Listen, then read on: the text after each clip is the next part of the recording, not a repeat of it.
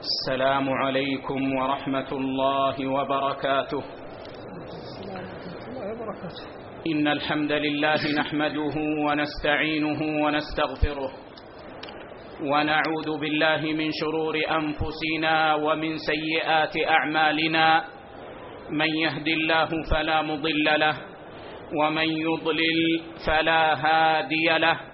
وأشهد أن لا إله إلا الله وحده لا شريك له وأشهد أن محمدا عبده ورسوله. يا أيها الذين آمنوا اتقوا الله حق تقاته ولا تموتن إلا وأنتم مسلمون. يا أيها الناس اتقوا ربكم الذي خلقكم من نفس واحدة وخلق منها زوجها وبث منهما رجالا كثيرا ونساء. واتقوا الله الذي تساءلون به والأرحام. إن الله كان عليكم رقيبا. يا أيها الذين آمنوا اتقوا الله وقولوا قولا سديدا. يصلح لكم أعمالكم ويغفر لكم ذنوبكم. ومن يطع الله ورسوله فقد فاز فوزا عظيما. أما بعد فإن أحسن الحديث كتاب الله وخير الهدي هدي محمد صلى الله عليه وسلم وشر الأمور محدثاتها وكل محدثة بدعة وكل بدعة ضلالة وكل ضلالة في النار. ثم معاشر الفضلاء يا من اجتمعتم في مسجد رسول الله صلى الله عليه وسلم في هذا المكان الذي فضله الله عز وجل بأن جعله مسجد رسوله صلى الله عليه وسلم. هذا المسجد الذي قال فيه النبي صلى الله عليه وسلم صلاة في مسجدي هذا خير من ألف صلاة فيما سواه إلا المسجد الحرام. قد اجتمعتم على طلب العلم فأبشروا وأملوا وارجوا من الله الخير. فإن النبي صلى الله عليه وسلم قال من جاء مسجدنا هذا لم يأته إلا ليتعلم خيرا أو يعلمه. كان كالمجاهد في سبيل الله. وقال صلى الله عليه وسلم من غدا إلى المسجد لا يريد إلا أن يتعلم خيرا أو يعلمه. كان له كأجر حاج تاما حجته.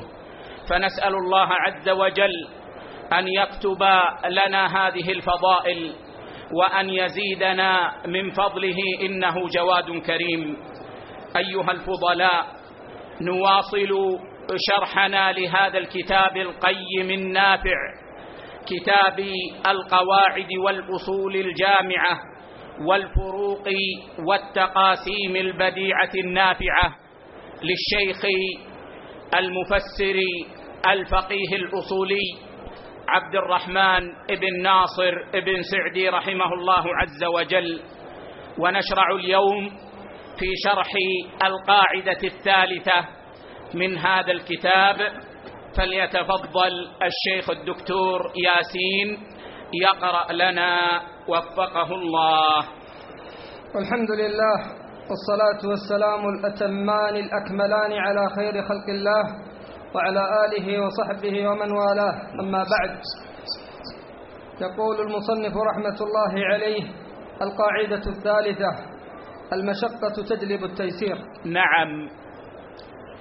هذه القاعدة فيها أصل عظيم من أصول ديننا ومعلم من معالم شريعتنا وخاصية لأمة محمد صلى الله عليه وسلم.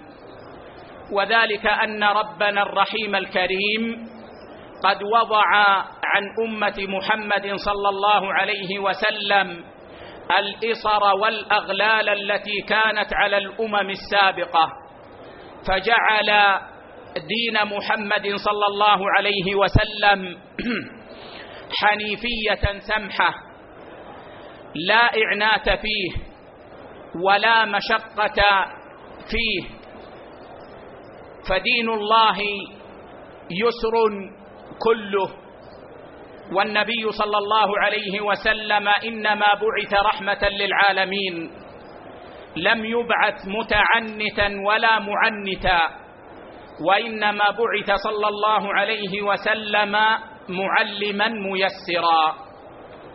ومعنى هذه القاعدة المشقة في لغة العرب هي التعب والعناء والضيق. فالمشقة تعني التعب وتعني العناء الذي يصيب الإنسان وتعني الضيق الذي يلحق الإنسان. والمشقة عند فقهائنا في قولهم المشقة تجلب التيسير هي التعب والعناء والضيق والحرج الزائدة عن المعتاد. فيزيدون على المعنى اللغوي هذا القيد. الزائدة عن المعتاد. وذلك أن المشقة من حيث الأصل تنقسم إلى قسمين. القسم الأول مشقة معتادة تنتج عن العمل وتكون ملازمة للعمل ولا تنفك عن العمل. فهذه المشقة لا يلتفت إليها ولا يترك العمل من أجلها وهي تختلف باختلاف الأعمال. وأضرب لكم مثالين. أما المثال الأول فالصلاة. مع كونها قرة عيون المؤمنين وراحتهم من هموم الدنيا فإن فيها مشقة من جهة كون الإنسان يقطع عمله وقد يترك محبوبه من أجل الصلاة ويتوضأ وقد يكون ذلك في حر شديد ويكون الماء حارا وقد يكون ذلك في برد شديد ويكون الماء باردا وفي هذا مشقة. والرجل يذهب إلى المسجد وفي هذا مشقة. لكن هذه المشقة لازمة للعمل موجودة عندما شرع الله عز وجل الصلاة. وكذلك المثال الثاني الصوم. فالصوم فيه مشقة من جهة العطش والجوع والصبر عن المحبوب ولكن هذه المشقة لازمة للصوم. لا يقع الصوم بدونها فهذه المشقة لا يلتفت إليها ولا تعتبر فليس لأحد مثلا أيها الأحبة أن يترك الصيام في رمضان من غير عذر شرعي ويقول الدين يسر وأنا هذا الصوم يتعبني يتعبني لأني أجوع جوعا شديدا أو أعطش والدين يسر والمشقة تجلب التيسير. لأننا نقول إن الله شرع هذا العمل وهذه المشقة موجودة فيه.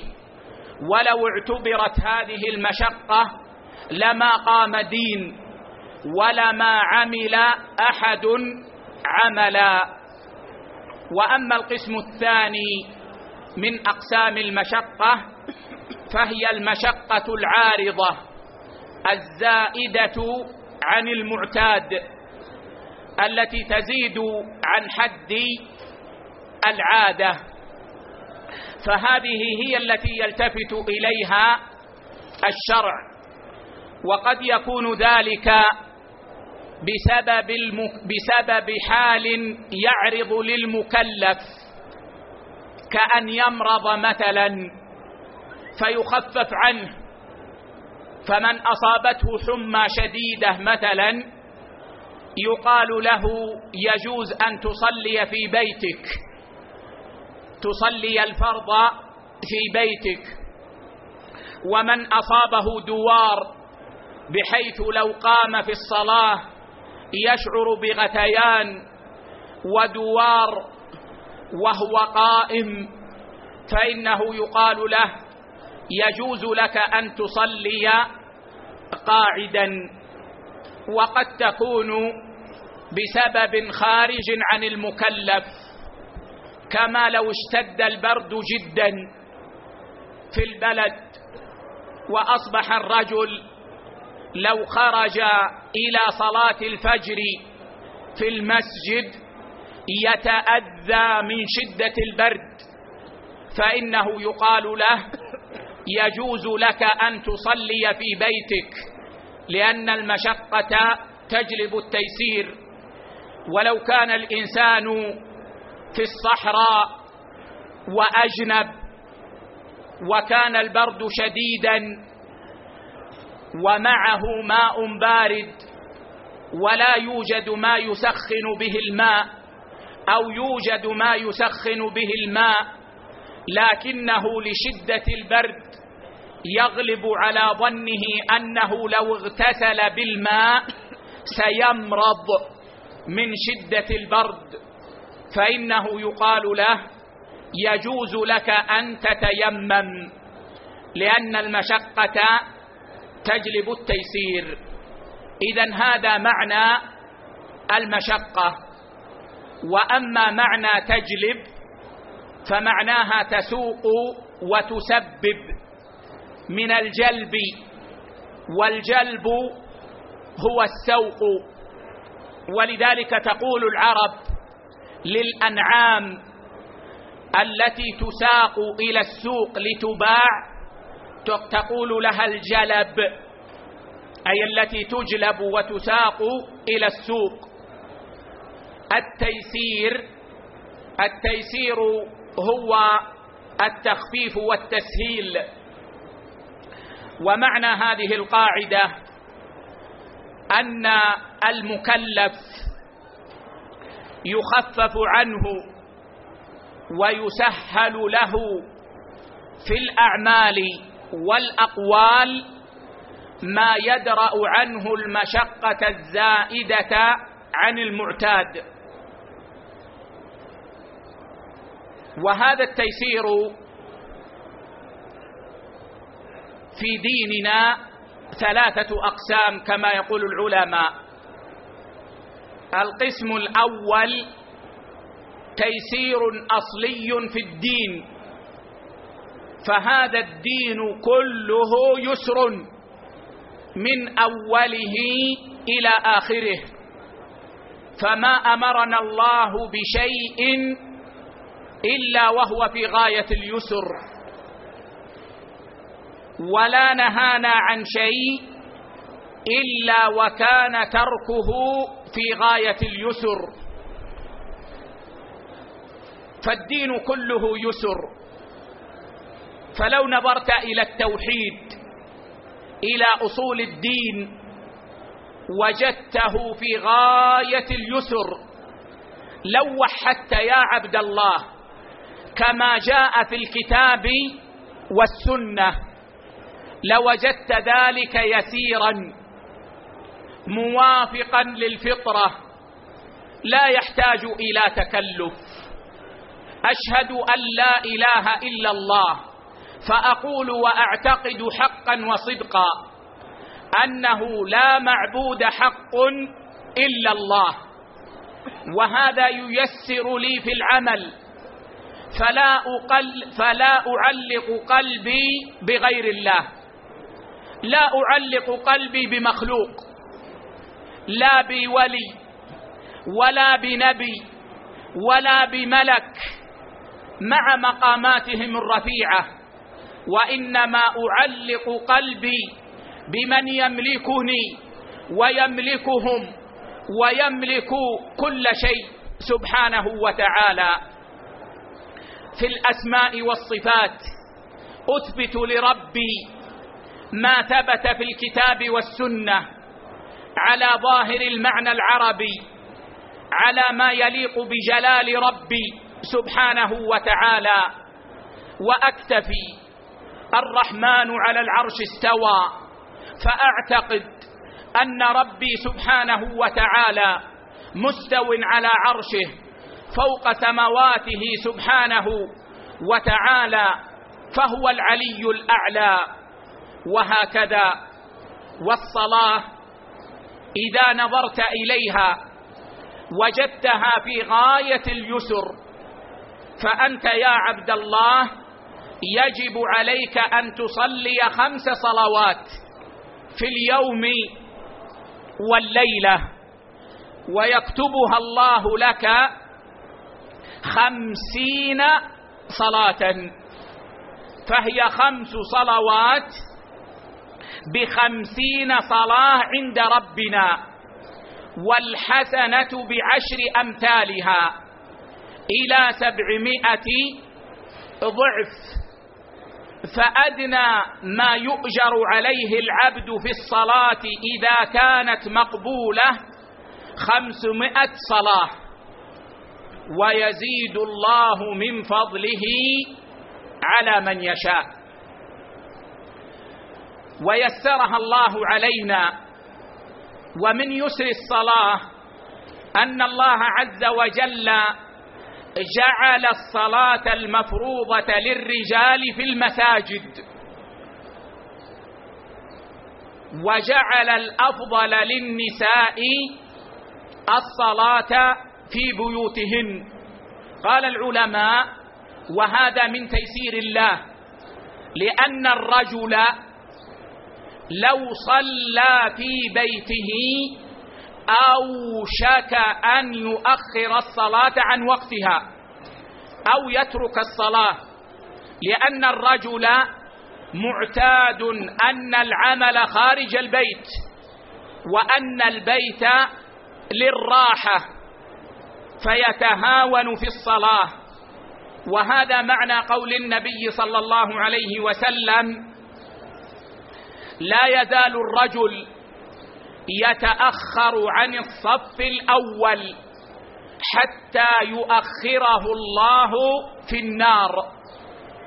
قال العلماء معنى هذا أن الرجل لا يزال يتأخر عن الصف الأول في المسجد ثم يتأخر عن أول الصلاة ثم يتأخر عن الصلاة فيصلي في بيته.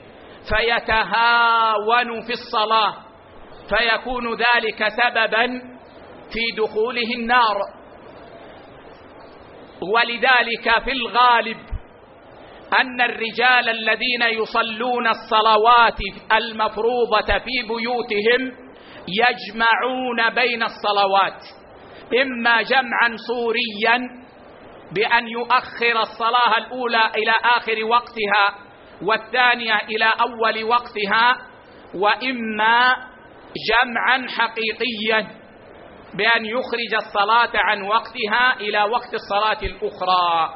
فالحمد لله الذي يسر. وأما القسم الثاني فهو تخفيف عارض عن المكلف إذا عرضت له المشقة. فإذا عرضت المشقة للمكلف فإنه يخفف عنه بمقدار ما يزيل تلك المشقة.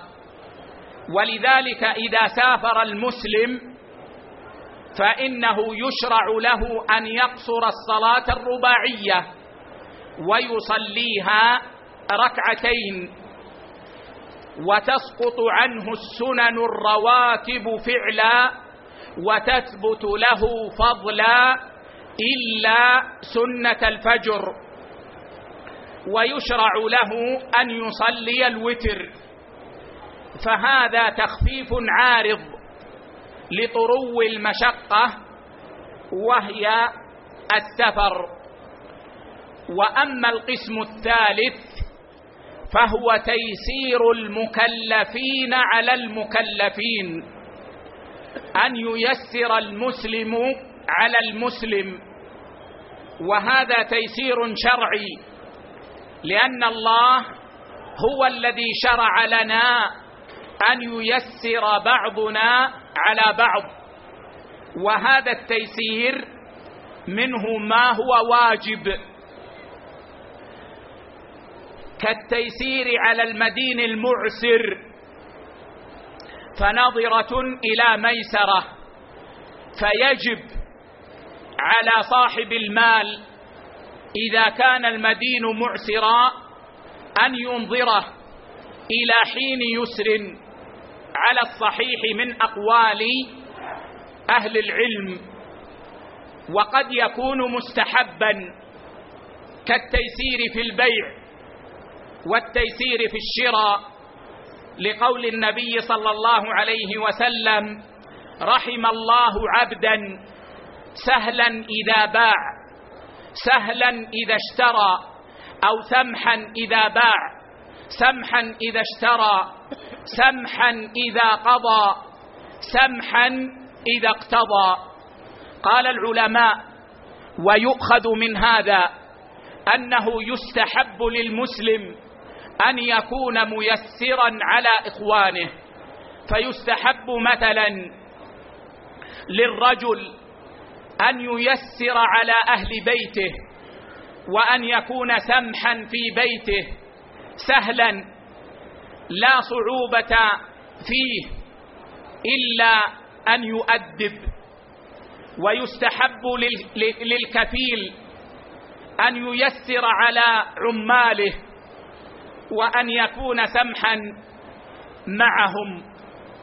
فهذه أقسام التيسير في الشريعة. يأتي سؤال وهو كيف نعرف المشقة؟ كيف نعرف المشقة الزائدة التي توجب التيسير وتسبب التيسير؟ نقول نعرف ذلك بأمرين. الأمر الأول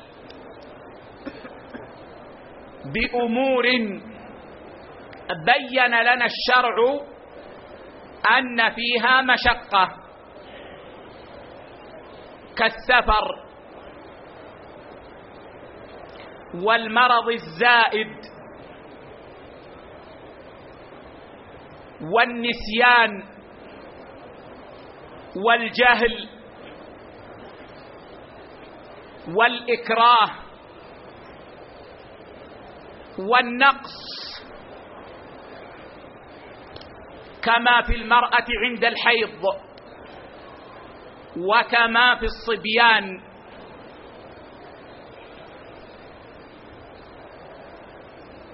وعموم البلوى أو ما يسمى بالعسر وعموم البلوى وهو شيوع البلاء بحيث يصعب على المرء أن يتخلص منه.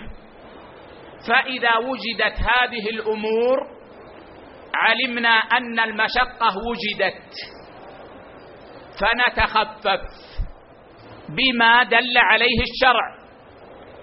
فإذا سافرنا حتى لو في الطائرة حتى لو في السيارة المكيفة علمنا أن المشقة وجدت فنقصر الصلاة ونجمع بين الصلاتين ونحو هذا.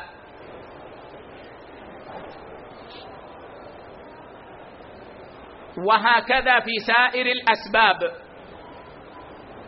وهذا الشرح المختصر لا يحتمل أن نشرح هذه الأسباب على التفصيل لكن سنشرحها إن شاء الله عند شرحنا لمنظومة الأهدل في القواعد الفقهية بحول الله وقوته.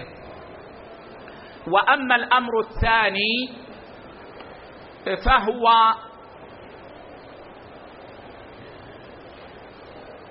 العرف والحال. العرف والعادة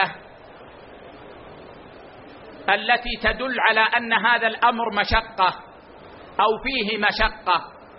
والحال وأضرب لكم مثالا بالنسبة لهذا الأمر الثاني. المشقة التي تلحق الإنسان وهي عارضة يقول العلماء تنقسم إلى ثلاثة أقسام. تنقسم إلى ثلاثة أقسام. مشقة شديدة وهذه تسبب التخفيف باتفاق العلماء.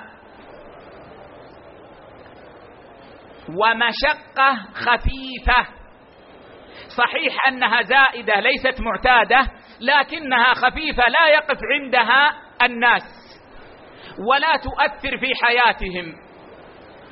وهذه تلحق بالمعتادة ولا تخفف.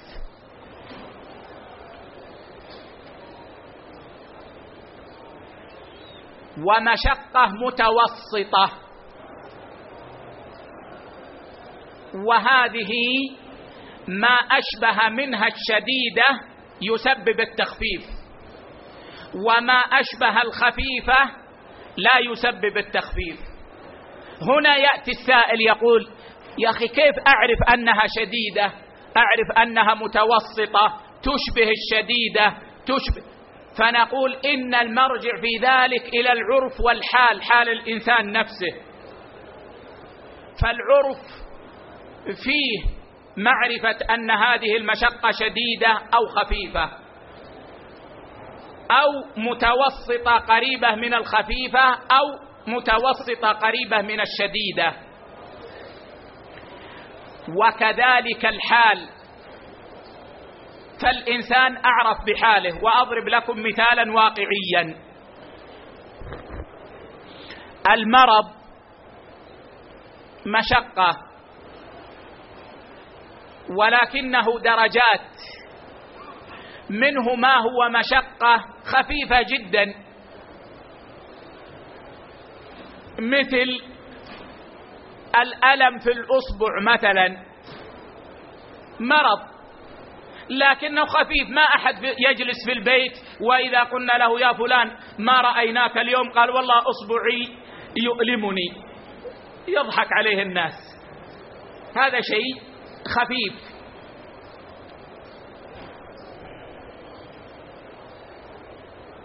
فهذا لا يوجب التخفيف. لو أن إنسانا قرض أثناء تقليم الأظفار على طرف جلده في يده في, في أصبعه فأصبح أصبعه يؤلمه. ما يجوز له أن يقول صلي في البيت لأن المشقة تجلب التيسير. هذه المشقة بإجماع العلماء لأن خلاف بعض الظاهرية ساقط هنا ولا عبرة به. لا توجب التخفيف.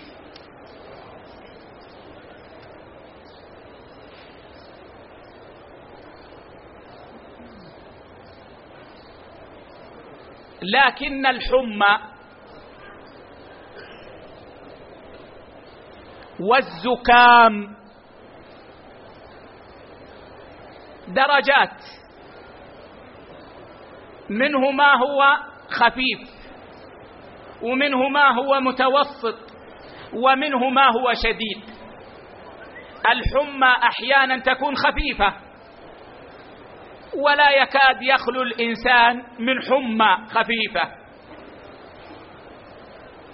وأحيانا تكون متوسطة وأحيانا تكون شديدة. ولذلك سئل الإمام أحمد عن الحمى فقال وهل هناك شيء أشد من الحمى؟ والزكام كذلك والمرجع في ذلك الحال. فبعض الناس إذا أصابته حمى هي خفيفة بالنسبة لغيره تكون شديدة عليه يثقل جسمه ويحس بالآلام.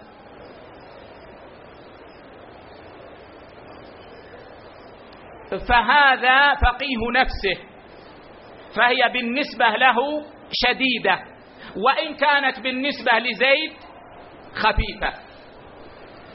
الزكام يا إخوة مثلا الأصل فيه عند الناس أنه خفيف مشقة خفيفة. ولذلك ماذا يقول العوام؟ يقولون الزكمة علة الرخوم. الزك الزكمة الزكام علة الرخوم يعني مرض الضعاف لا لا يسقط ويتعب ويقعد في البيت إلا الضعيف. أما الشديد كذا فالزكام ما يؤثر عليه. ومع ذلك نحن من ناحية فقهية لا نقول إن الزكام شديد ولا خفيف. نقول كل إنسان فقيه حاله. فمن الناس من يكون ذلك شديدا عليه فيسبب التخفيف. ومن الناس من يكون ذلك خفيفا عليه فلا يسبب التخفيف. هذا في الجملة ما يتعلق بهذه القاعدة الشريفة وما بقي قد بسطه الشيخ في آه، الكتاب. فيتفضل الشيخ ياسين. وفقه الله يكمل لنا القراءة. قال رحمة الله عليه هذا أصل عظيم. جميع رخص الشريعة وتخفيفها وتخفيفاتها متفرعة عنه. نعم جميع الرخص الشرعية حكمتها دفع المشقة. وإن كانت عللها تختلف. فالقصر مثلا علته السفر. ولكن الحكمة من جميع الرخص أن تدفع المشقة. نعم. قال رحمة الله عليه قال الله تعالى يريد الله بكم اليسر ولا يريد بكم العسر. نعم. ما أكرم الله وما أعظم هذا الدين. يريد الله إرادة شرعية بكم في شرعه ودينه اليسر ولا يريد بكم العسر. فحيث ما وجد العسر الزائد فليس من الدين. ولذلك يا إخوة نقول إن هذه الآية تدفع البدع والوساوس. تدفع البدع والوساوس. أما البدع فإن الناظر في البدع يجد أن فيها عسرا عظيما لأنها من اختراع الإنسان. فلو نظرت إلى بعض الذين يذكرون الله بطريقة مبتدعة لا مبتدعة لا بطريقة محمدية تجد أنهم في غاية العسر. تجد أنهم يتمايلون بطريقة في غاية العسر. ويخرجون الذكر بتكلف في غاية العسر. الجيد عندهم الذي لا يخرج الذكر بلسانه يخرجه من صدره. وذلك تجد الشيخ اللات تجده يعني كأنه مصدور. كأنه مصدور. وهذا مما يدلك على أن هذه البدع ليست من الدين. لأن الله عز وجل يقول يريد الله بكم اليسر. ولا يريد بكم العسر.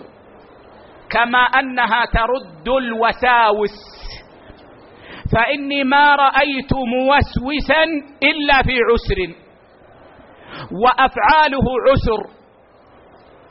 وإنا نقول للموسوس إن ربك يقول يريد الله بكم اليسر.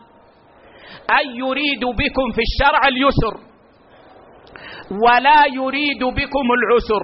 فهل أنت الذي فهل هذا الذي تعيشه وتكون فيه يسر أو عسر؟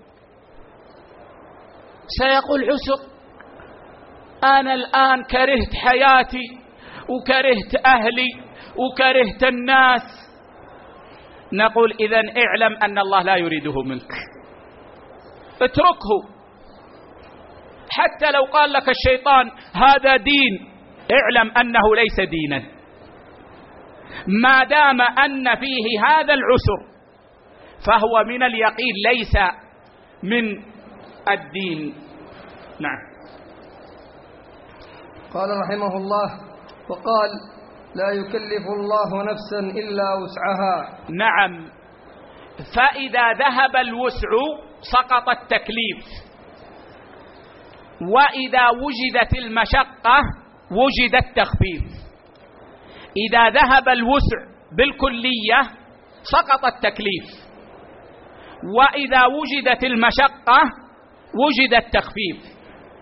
لأن الله عز وجل لا يكلف نفسا إلا وسعها. وذهاب الوسع إما بالذهاب بالكلية. إنسان قطعت رجله. هل يستطيع أن يقوم؟ ما يستطيع أن يقوم. ذهب الوسع بالكلية. يسقط التكليف بالقيام. يصلي قاعدا. ما يأتي واحد متنطع يقول استأجر واحدا يحملك ويقف بك وتصلي. يسقط التكليف سقط انتهى. وقد يكون بوجود المشقة. فيخفف عن العبد. إنسان يستطيع أن يقوم لكن بمشقة يصاب بدوار كأنه في سفينة. ما يستطيع أن يقف ويثبت من المرض. نقول صل قائما. بدليل أن النبي صلى الله عليه وسلم لما شكي له البواسير وسأله عمران عن البواسير قال صل قائما فإن لم تستطع فقاعدا. والمعلوم أن البواسير لا تعجز عن القيام بالكلية ولكنها قد توقع في المشقة. فدل ذلك على أن المشقة توجب التخفيف لأن الله لا يكلف نفسا إلا وسعها. نعم. وقال لا يكلف الله نفسا إلا ما آتاها. وقال وما جعل عليكم في الدين من حرج. وقال فاتقوا الله ما استطعتم. فهذه الآيات وغيرها دليل على هذا الأصل الكبير. وقال النبي صلى الله عليه وسلم إن الدين يسر. إن الدين يسر. فبين النبي صلى الله عليه وسلم أن الدين يسر كله. وعندما بعث معاذا وأبا موسى الأشعري رضي الله عنهما إلى اليمن قال يسرا ولا تعسرا. وقال صلى الله عليه وسلم يسروا ولا تعسروا فإنما بعثتم ميسرين ولم تبعثوا معسرين. ومن أرجى الآيات في هذا الباب قول الله عز وجل فإن مع العسر يسرا إن مع العسر يسرا. قال ابن عباس رضي الله عنهما لن يغلب عسر يسرين. لن يغلب عسر يسرين. قال العلماء لأن المكرر إذا كان معرفا فهو من باب التأكيد وإذا كان منكرا فهو من باب التأسيس من باب الشيء الجديد. فالعسر هنا معرف. فالعسر الأول في الآية الأولى هو العسر الثاني في الآية الثانية عسر واحد. واليسر هنا منكر. فاليسر الثاني في الآية الثانية جديد. يضاف إلى اليسر الأول. فلن يغلب عسر يسرين. نعم. قال رحمة الله عليه فأولا جميع الشريعة حنيفية سمحة حنيفية في التوحيد لأن مبناها على عبادة الله وحده لا شريك له. كما قلنا ولا يحتاج الإنسان إلى تكلف. قلبه معلق بالله عزته بالله سبحانه وتعالى. لا يهين نفسه لأحد لأنه يخاف منه. أو لأنه يعظمه وإنما عزته لله. بخلاف من فقد التوحيد فإنه يفقد العزة ويقع في المشقة. الآن تجد بعض المسلمين الذين ينتسبون إلى الإسلام يقعون في المشقة الشديدة بسبب فقدهم للتوحيد. تجد أنه يذهب إلى الشيخ الفلاني يتقرب إليه من أجل أن يحصل له كذا وكذا. ما كان الشيخ مالكا ولا كان الله بحاجة إلى من يسمعه. وتجد ورأيت هذا في بعض البلدان تجد بعض المسلمين يسيرون على ركبهم وأيديهم أمام الشيخ. يسيرون على أربعة أمام هذا الشيخ الذي يسمونه الولي.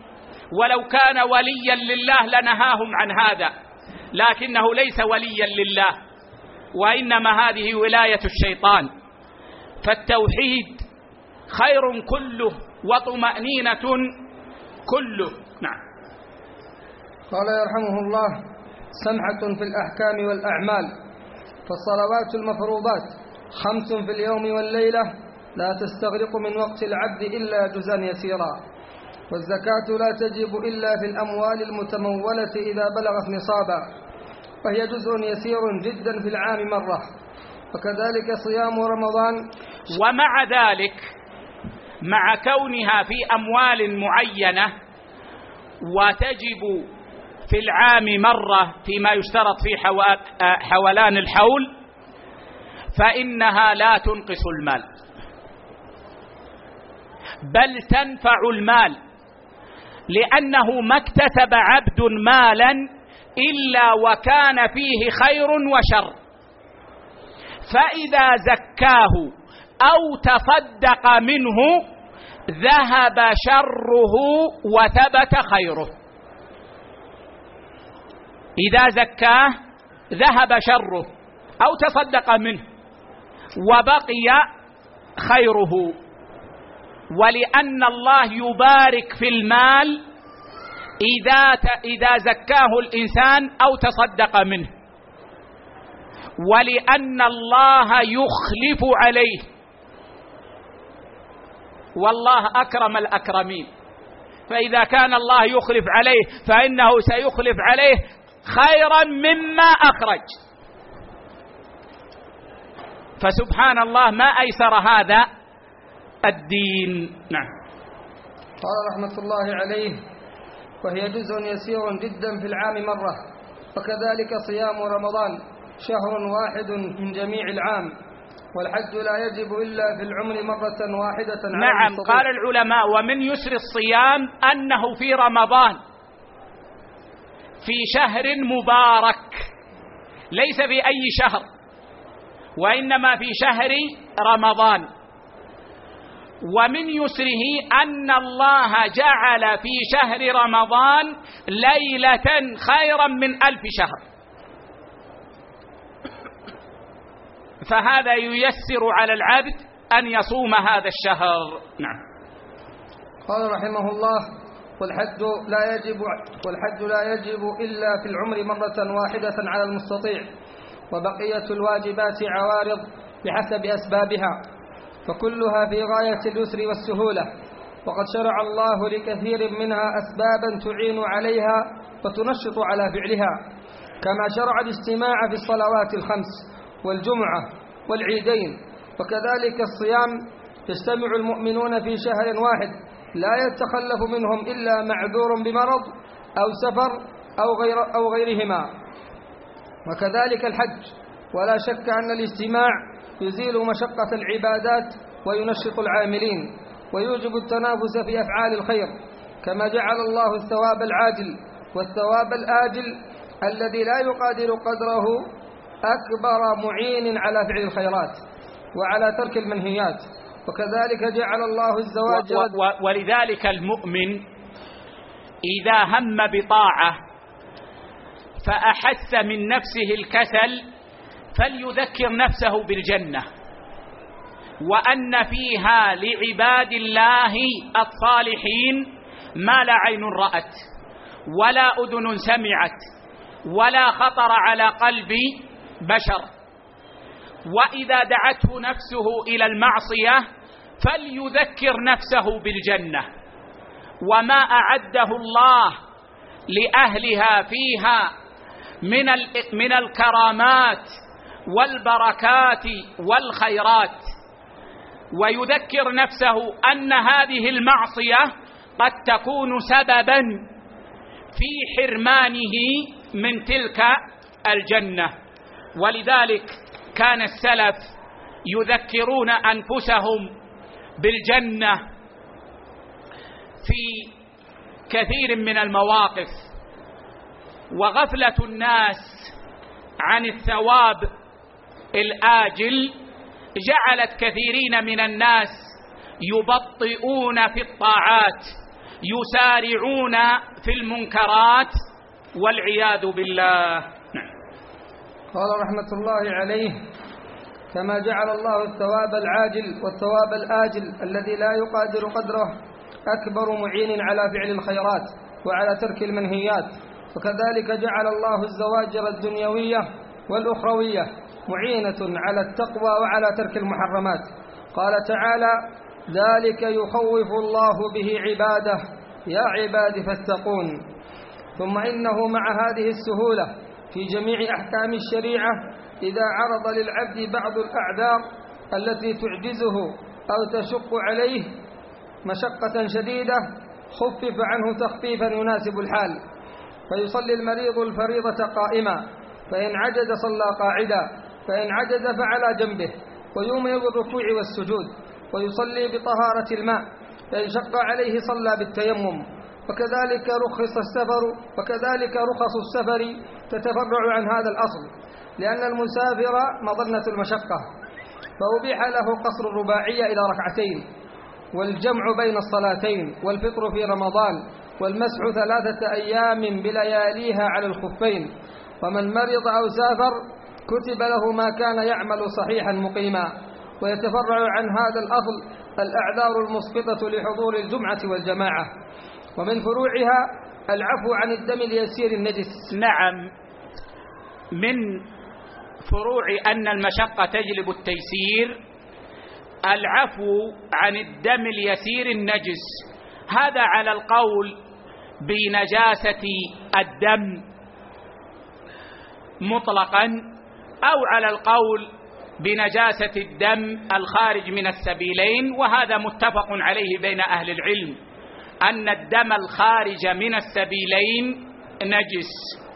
طيب هذا الدم النجس إذا كان يسيرا هل يعفى عنه؟ إذا كان ذلك من غير الخارج من السبيلين فإن كثيرا من العلماء الذين يقولون بنجاسة الدم يقولون يعفى عن يسيره. يعفى عن يسيره. واختلفوا في تحديد اليسير. والراجح من ذلك عندهم أنه ينظر إلى الإنسان نفسه. فما فحش في نظره فهو كثير. وما لم يفحش فهو يسير. على سبيل المثال إنسان يطوف حول الكعبة وجرحت رجله وخرج دم من رجله وبقي على رجله أو أصاب ثوبه. هل يجب عليه أن يخرج ليزيل النجاسة؟ ويغسل الدم. القائلون بنجاسة الدم أكثرهم يقولون هنا إن كان يسيرا عفي عنه. وإن كان كثيرا وجب عليه أن يخرج ويزيل هذه النجاسة. طيب كيف يعرف أنه يسير؟ قالوا بحاله. ينظر. فإن رآه كثيرا فاحشا خرج. وإن رآه قليلا لا يخرج. لكن الصواب كما تقدم معنا في درس الفقه أن الدم لا يكون نجسا إلا إذا كان مسفوحا عند ذبح الذبيحة أو كان خارجا من السبيلين من مخرج البول أو مخرج الغائط. طيب هنا مسألة.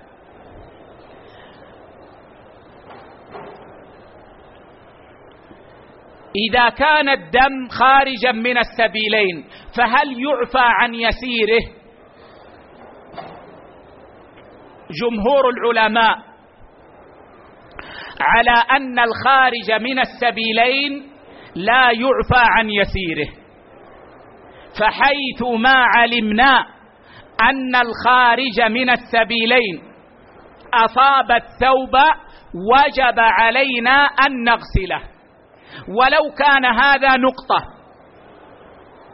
ولو كان يسيرا فإذا خرج دم من مخرج الغائط مثلا ولو نقطة واحدة أصابت الثوب يجب غسل الثوب. عند جمهور العلماء. وشيخ الإسلام بن تيمية رحمه الله يرى أن اليسير يعفى عنه مطلقا من السبيلين أو من غيرهما. لكن الأظهر والله أعلم هو قول الجمهور أن أنه يجب على الإنسان أن يستنزه عن الخارج من السبيلين سواء كان ذلك كثيرا أو قليلا ما دام علم. أما إذا لم يعلم والله يمكن الأصل العدم ولا يلتفت إليه. الأصل العدم ولا يلتفت إليه. نعم. قال رحمة الله عليه والاكتفاء بالاستجمار الشرعي عند عن الاستنجاء. وطهارة أفواه الصبيان. وكذلك الهر وما دونها في الفلقة طبعا هذا المثال سيلفت أنظاركم. طهارة أفواه الصبيان. ما علاقة هذا بالمشقة تجلب التيسير؟ الأصل أن الإنسان طاهر. كبيرا كان أو صغيرا. يعني هل فم الكبير نجس؟ فم الكبير طاهر. لماذا إذا ذكر الشيخ هنا هذا هذا المثال؟ هذا المثال فيما قرأه الشيخ ياسين ناقص وهو في نسختنا كامل. قال وطهارة أفواه الصبيان ولو أكلوا النجاسة. ولو أكلوا النجاسة. يعني الصبي لو أكل نجاسة وما علمنا. فمه طاهر. فمه طاهر. ما الدليل؟ الدليل عند القائلين بهذا القياس على الهر. فإن النبي صلى الله عليه وسلم قال في الهر إنها ليست بنجس إنها من الطوافين عليكم والطوافات. والمعلوم أن الهر تأكل الفأرة وتأكل النجاسات وتبقى الدماء على فمها. ومع ذلك قال النبي صلى الله عليه وسلم إنها ليست بنجس. لأنها من الطوافين علينا والطوافات. قالوا فكذلك الصبي الصغير من الطوافين علينا والطوافات. ويصعب أن يتقي النجاسة. معروف أن الصبي الصغير ربما أكل الغائط. ما يعرف. وهو يطوف على أهله ويقبل والده ويقبل أمه ونحو ذلك. لكن الصواب أن إذا علمنا النجاسة على فيه فإنه يجب غسلها. فإنه يجب غسلها. لأن الابتلاء بهذا ليس كالابتلاء بالهر. أعني كون كون الطفل يأكل النجاسة هذا نادر. والنادر لا يفرد بحكم. فنقول إذا علمنا أنه أكل نجاسة فيجب أن نغسل فمه لنزيل هذه النجاسة. وإذا لم نعلم فهو عفو. لأنه لا تكليف إلا بعلم. يعني ما يأتي إنسان كل ما رأى الطفل أخذه قبل أن يأتي يريد يقبله أمسك قال لا تعال أغسل فمك. يمكن أنك أكلت نجاسة. نقول لا ما لم نعلم فهو عفو. التكليف فرع العلم. وإذا علمنا الصواب أنه يجب غسل فم الصبي لتزال النجاسة نعم. قال رحمة الله عليه وكذلك الهر وما دونها في الخلقة لقوله صلى الله عليه وعلى آله وسلم إنها ليست بنجس إنها من الطوافين عليكم والطوافات. طبعا قال الشيخ وما دونها في الخلقة على المذهب المذهب الحنبلي فإنهم يرون أن الهر وما كان دونه في الخلقة آه، آه، آه، معفو عن نجاسته. وهذا مرجوح لأن النبي صلى الله عليه وسلم ما علق الحكم بالخلقة وإنما علقه بقول فإنها من الطوافين عليكم والطوافات. وهذا سيأتينا إن شاء الله في أول درس في دليل الطالب بعد أن نعود إلى الجدول المعتاد إن شاء الله. نعم. قال رحمه الله ومن ذلك العفو عن طريق الشوارع عن طين عن طين الشوارع ولو ظنت نجاستها. نعم. الطين المبلول في الشارع إذا مررت به وأصاب ثوبك فإنه لا ينجس الثوب. حتى لو ظنت نجاستها. مثال ذلك المياه التي تكون في منى. المياه التي تكون سائلة في الشوارع في منى تظن أنها نجسة لأنك ترى الحقيقة أن الحجاج لا يبالون. بعض الحجاج هداهم الله يبول في الطريق وإذا وجد الماء هذا طيب يمشي مع الماء. لكن هذا معفو عنه لأنه من باب عموم البلوى فإنه يصعب التحرز عنه. نعم. قال رحمة الله عليه فإن علمت عفي منها عن الشيء اليسير. فإن علم أنها نجسة تيقنا أنها نجسة فإنه يعفى عن اليسير لأنه لا يخلو الإنسان من أن يصيبه اليسير من طين الشوارع. نعم. قال رحمة الله عليه ومن ذلك الاكتفاء بنضح بول الغلام الذي لم يأكل الطعام لشهوة لم يأكل الطعام لشهوة وقيئه. أما البول فقد تقدم معنا في دليل الطالب وهذا هو الصحيح. وأما القيء فهو مبني على أن القيء نجس أصلا والصحيح أن القيء ليس نجسا. الصحيح أن القيء ليس نجسا. نعم. قال رحمه الله ومن فروع هذا الأصل العمل بالأصل في طهارة الأشياء وحلها. وهذا من أعظم الفروع أن الأصل في الأشياء الحل والطهارة. الأصل في المنافع الحل والطهارة. فالشيء النافع الأصل فيه أنه حلال.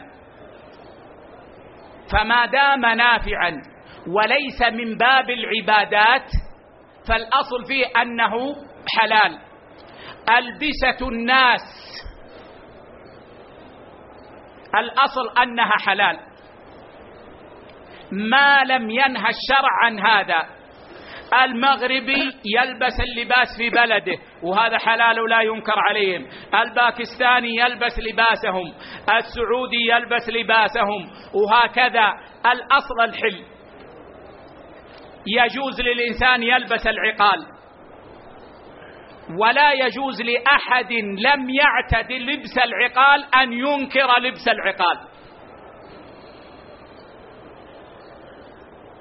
الأصل الحل إلا ما نهى عنه الشرع. فالإسبال حرام في كل بلد. الإسبال حرام في كل بلد. من عجيب أني سمعت معمما. ومعنى معمم أنه ينتسب للعلم. في تلفزيون يقول هذا يعني رفع الثوب عن يعني إلى الكعب. هذا عند البدو. هذا عند البدو. أما عندنا أصحاب المدن والذين تمدنا وكذا فهذا ما يرد. طبعا الآن عندنا ناس يفصلون الدين بالمقاس. بحسب الظروف بحسب رئيس الدولة بحسب كذا بحسب كذا. وهذه من الخيانة للأمة. الواجب علينا أن نبين للناس دينهم. فلا خير للناس إلا في الدين في كل مكان. والله الخير للرجال في كل مكان ألا يسبلوا ومهما لبسوا من لباس يحرم عليهم الإسبال. وقولنا الإسبال يعني أن لا يجعلوه تحت الكعب. فإن جعلوه على الكعب جاز. والنساء المشروع لهن أن يرخين اللباس. والعجيب أن المسلمين اليوم الرجال يطيلون والنساء يقصرن في اللباس ويعتبرون تمدن.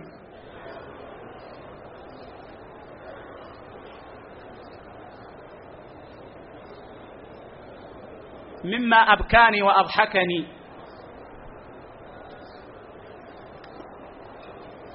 أني سمعت شخصا يتكلم في قناة من قنوات المسلمين يعني على كل حال.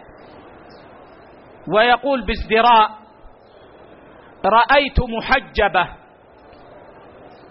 تسير على الشاطئ. رأيت محجبة تسير على الشاطئ. يعني كيف لابس الحجاب وهو على الشاطئ؟ ما عنده مشكلة في اللابسة, في اللابسة غير اللابسة. لكن هذه المرأة التي مرت على الشاطئ وهي متحجبة يستقبح هذا منها. هذا من انتكاس الفطر ومن تقصير العلماء في البلدان. والواجب علينا جميعا أن نتمسك بدين الله عز وجل وأن نصبر. مهما يكن من أمر فالدنيا حقيرة قليلة. وزائلة. والله لو ضحك علينا أهل البلد جميعا. كل ما نمشي يضحكون. ونحن متمسكون بدين الله. لأن الله أوجب علينا هذا. أو حرم علينا ذلك الفعل. فوالله لا يضرنا. يزيد في حسناتنا. ولربما رآنا غيرنا فاتخذنا قدوة. فنؤجر بأجره. ومهما كان. فما الدنيا إلا قليلة.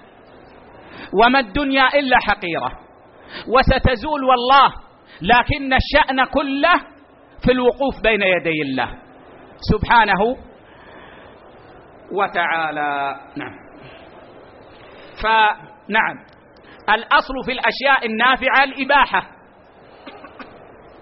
والأصل في المضار التحريم. والأصل في الأشياء الطهارة. الأصل في البسط في الجدران في السيارات. ولو جاءت من ديار الكفار. الأصل الطهارة. ما يحتاج تغسل السيارة إذا جاءت من اليابان. أو جاءت من أمريكا. الأصل الطهارة. نعم. وهذا إن شاء الله نبسطه بأدلة وتفصيل في درس القواعد إن شاء الله. نعم. قال رحمة الله عليه ومن فروع هذا الأصل العمل بالأصل في طهارة الأشياء وحلها فالأصل في المياه والأراضي والثياب والأواني وغيرها الطهارة حتى تعلم نجاستها والأصل في الأطعمة والأشربة الحل إلا ما نص الشارع على تحريمه. والمقصود بالأطعمة بأطعمة المسلمين الحل في أطعمة المسلمين وأشربة المسلمين وأطعمة أهل الكتاب وأشربة أهل الكتاب. الأصل فيها الحل. أما من عداهم فهي محرمة. فهي محرمة. إذا كانت مما يذبح. إذا كانت مما يذبح. أما إذا كانت مما لا يذبح فهذه يحل أكلها من كتابي أو غير كتابي وهذا ما سنذكره إن شاء الله في درس القواعد. نعم. يعني آه، من أهم مسألة تتعلق بهذا هي الذبائح. فالأصل في ذبائح المسلمين الحل. ما يحتاج تذهب إلى الجزار تسأله أن تصلي ولا ما تصلي. صليت الفجر اليوم؟ ماذا قرأ الإمام؟ ربما أجابك بما قرأ وأنت نسيت. هذا تكلف تنطع. إذا جاء لك المسلم بلحم دعاك وجاء لك في الوليمة بلحم ما يحتاج أن تسأله وتقول له هذا من أين أتيت به بلدي ولا مستورد؟ الأصل في طعام المسلمين إذا قدم الحل ولا يبحث عنه. وكذلك ذبائح أهل الكتاب الأصل فيها الحل. إلا إذا علمنا ما يدل على التحريم. فهناك لهذا الأمر العارض حكمه وسنفصل هذا إن شاء الله في قادم الدروس. نعم. قال رحمة الله عليه ومن فروعه الرجوع إلى الظن إذا تعذر اليقين في تطهير الأشياء من الأحداث والأنجاز فيكفي الظن في الإسباق وكذلك في دخول الوقت إذا غلب على الظن دخوله بالدلائل الشرعية. ومن فروعه نعم يعني من تيسير الله علينا أنه لم يكلفنا اليقين في كل شيء. بل إذا ظننا الشيء كفى أنا توضأت هل أسبغت أو لم أسبغ يكفي أن أظن الإسباغ. خلاص يكفي. ما يحتاج أني أنظر إلى كل شعرة وإلى كل جزء من البدن. وبعض الناس تجده يفرك رجله يقلب رجله ينظر في, في باطن رجله. يكفي أنك جئت بالماء وأخذت يدك من تحت رجلك وأسبغت الماء وظنيت أنه يكفي. خلاص يكفي. ما يحتاج إلى يعني تنطع. كذلك في الثياب. إذا غسلناها وظننا أن النجاسة زالت خلاص. ما يحتاج بعض الناس يكاد يدخل اللباس في أنفه. لا بد أتأكد يمكن سبحان الله باقي شيء. يكفي الظن. يكفي الظن. نعم. قال رحمة الله عليه ومن فروعه أن المتمتع والقارن قد حصل لكل منهما حج وعمرة تامان في سفر واحد. ولهذا وجب عليهما الهدي. شكرا لهذه النعمة. ويدخل في هذا الأصل إباحة المحرمات للمضطر وإباحة ما تدعو الحاجة إليه كالعرايا طبعا يعني بالنسبة للتمتع والقران يعني مناسبتهما للقاعدة أن فيهما يسرا لأن الإنسان يحصل على الحج والعمرة في سفرة واحدة. هذا وجه دخول هذه القاعدة. وأما إباحة المحرمات بالضرورات فهذه في القاعدة التالية إن شاء الله نبسطها. نعم. قال يرحمه الله وإباحة ما تدعو الحاجة إليه كالعرايا وإباحة أخذ العوض في مسابقة الخيل والإبل والسهام وإباحة تزوج الحر للأمة إذا عدم الطول وخاف العنت. ومن فروع هذا الأصل حمل العاقلة الدية عن القاتل خطأ أو شبه عمد حملا لا يشق عليهم يوزع على جميعهم ويؤجل عليهم ثلاث سنين كل سنة ثلث الدية.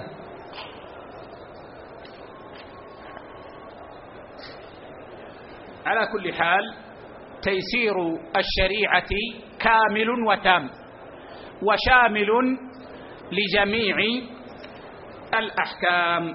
ثم إن شاء الله ننتقل غدا إلى القاعدة الرابعة في أمرين مهمين جدا آه، تعظم الحاجة إليهما.